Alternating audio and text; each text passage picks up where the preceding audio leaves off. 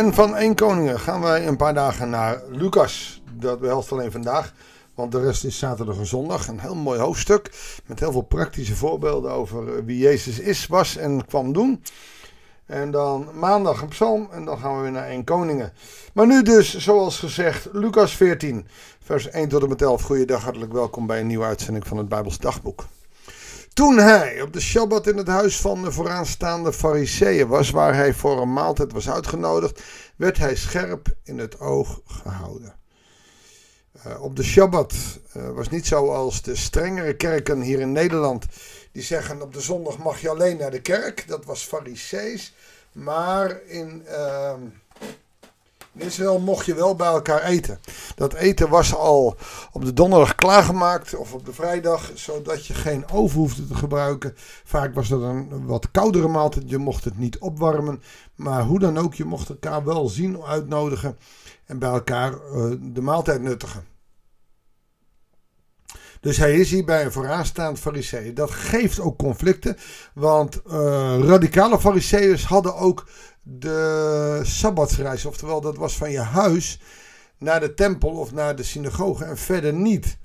Dus hoe Jezus hier nu wel bij de fariseeën kan zijn, dat moet een combinatie zijn met uh, de tempel terug en dan, uh, of het is een wat minder strikte, in de regel strikte fariseeën. Maar dat doet het verhaal ook weer niet goed, want hij probeert wel de scherpte op te zoeken.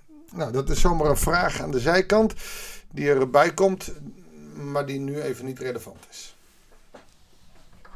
Deze farisee heeft hem voor de maaltijd uitgenodigd. Dat is daar in het Midden-Oosten volstrekt normaal. Dat hoef je niet drie maanden van tevoren te doen, zoals in Nederland.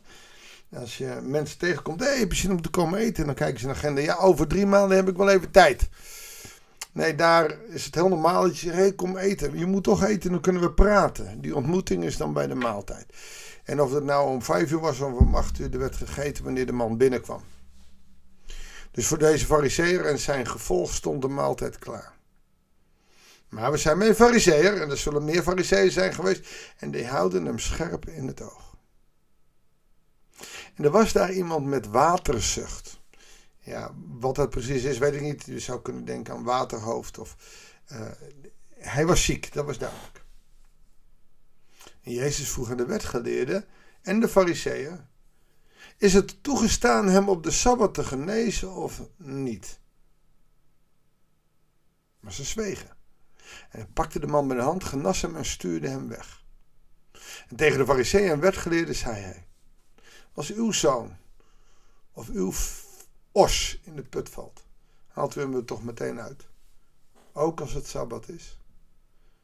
Ook daarop hadden ze geen antwoord. Als Jezus in de buurt is,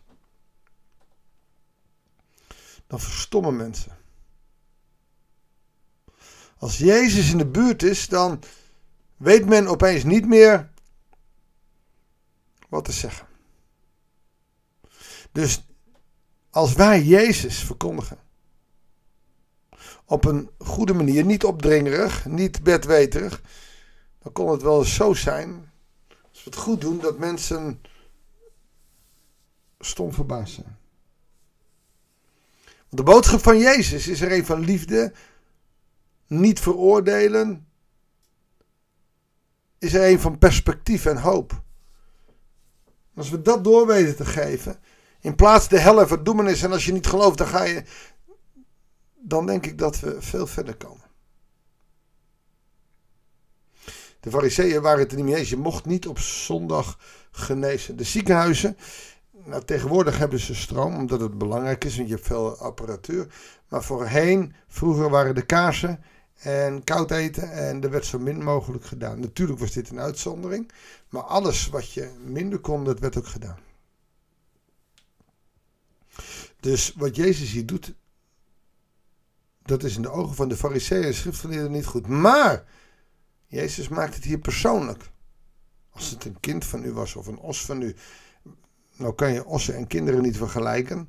Maar een os was wel één of twee jaar inkomens. Dus het was heel veel. En doordat hij het persoonlijk maakt, staan ze met een mond vol tanden. Weet je, er is wel een tactiekje die ik voer als je in een discussie zit waar je niet uitkomt. Je hebt wel van die discussies waar je denkt, ja weet je, ik kan hier nog uren over praten, maar ik kom niet uit. Dit gaat hem niet worden. Als je het dan persoonlijk maakt, dan kan niemand je wat zeggen. Als ik zeg, nou, uh, ik vind dat elke dominee moet een roze jasje, want het staat in de Bijbel. Ik ben er echt van overtuigd dat het, dat het moet. En anderen zeggen, oh, dat vind ik onzin en jij hebt ongelijk. En, weet je, dan kun je het al, al zeggen, ik vind dat, ik lees het erin of ik. Dan gaat de scherpte van een discussie weg. Dan is dit een onzin, want uh, en je gaat je ook zeker niet verdedigen.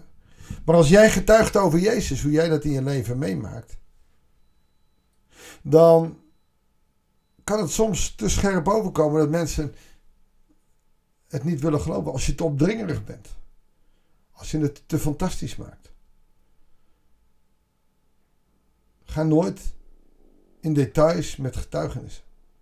Vertel je verhaal. Als mensen meer willen weten, kun je meer vertellen. Nou, we gaan door met het gedeelte. Hij vertelde de genodigden een gelijkenis, want hij had gezien hoe ze de ereplaatsen voor zichzelf kozen. En hij zei tegen hem: Wanneer er door iemand uit wordt genodigd voor een bruiloft, kies dan niet de ereplaats, want misschien is er wel iemand uitgenodigd die voornamer is dan u. En dan moet uw gastheer tegen u zeggen: sta uw plaats aan hem af en dan zult u beschaamd de minste plaats innemen. U wordt uitgenodigd, kies dan de minste plaats, zodat uw gastheer tegen u zal zeggen: Vriend, kom toch dichterbij. Dan wordt uw eer betoond ten overstaan van iedereen die samen met u aanligt. Want wie zichzelf verhoogt, zal vernederd worden. En wie zichzelf vernedert, zal worden verhoogd. Nou, dit komt niet uit de lucht vallen. Hij is bij een fariseer op bezoek. Daar zijn meerdere schriftgeleerde fariseërs. En het waren mensen die hun duimen achter een colbert hadden en lieten zien hoe belangrijk zij wel niet waren, want ze hadden geleerd. En, en precies dit stukje gelijkenis, 7 tot en met 11, is tegen de hoogmoed van de schriftgeleerden verteld. Jullie moeten niet denken dat. Jullie vinden jezelf zo belangrijk. Jullie lopen met je mooie gewaden door Jeruzalem en iedereen knikt en buigt en knielt. Maar je zult de laatste zijn. Die man die met die waterzucht, die zal de eerste zijn. Ik denk dat dat van immens belangrijk is om ons dat te realiseren. ik denk dat het zelfs voor ons christen nog moeilijk is om op de laatste plek te zijn. Toch is dat de enige plek. Als wij de minste willen zijn, dan zullen we misschien niet door de mensen als meeste worden neergezet. Maar we zullen wel, nou wat zal ik zeggen, ehm, door God worden geëerd.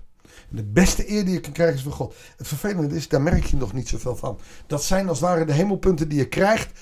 En, maar daar moet je het ook niet voor doen. Uiteindelijk zal je ook de eer van de mensen om je heen krijgen. Laten we daarom niet treuren. De minste willen zijn. Want in heel veel gelijkenissen zegt Jezus telkens: de eerste worden de laatste en de laatste worden de eerste. Bescheidenheid wordt door God gezien.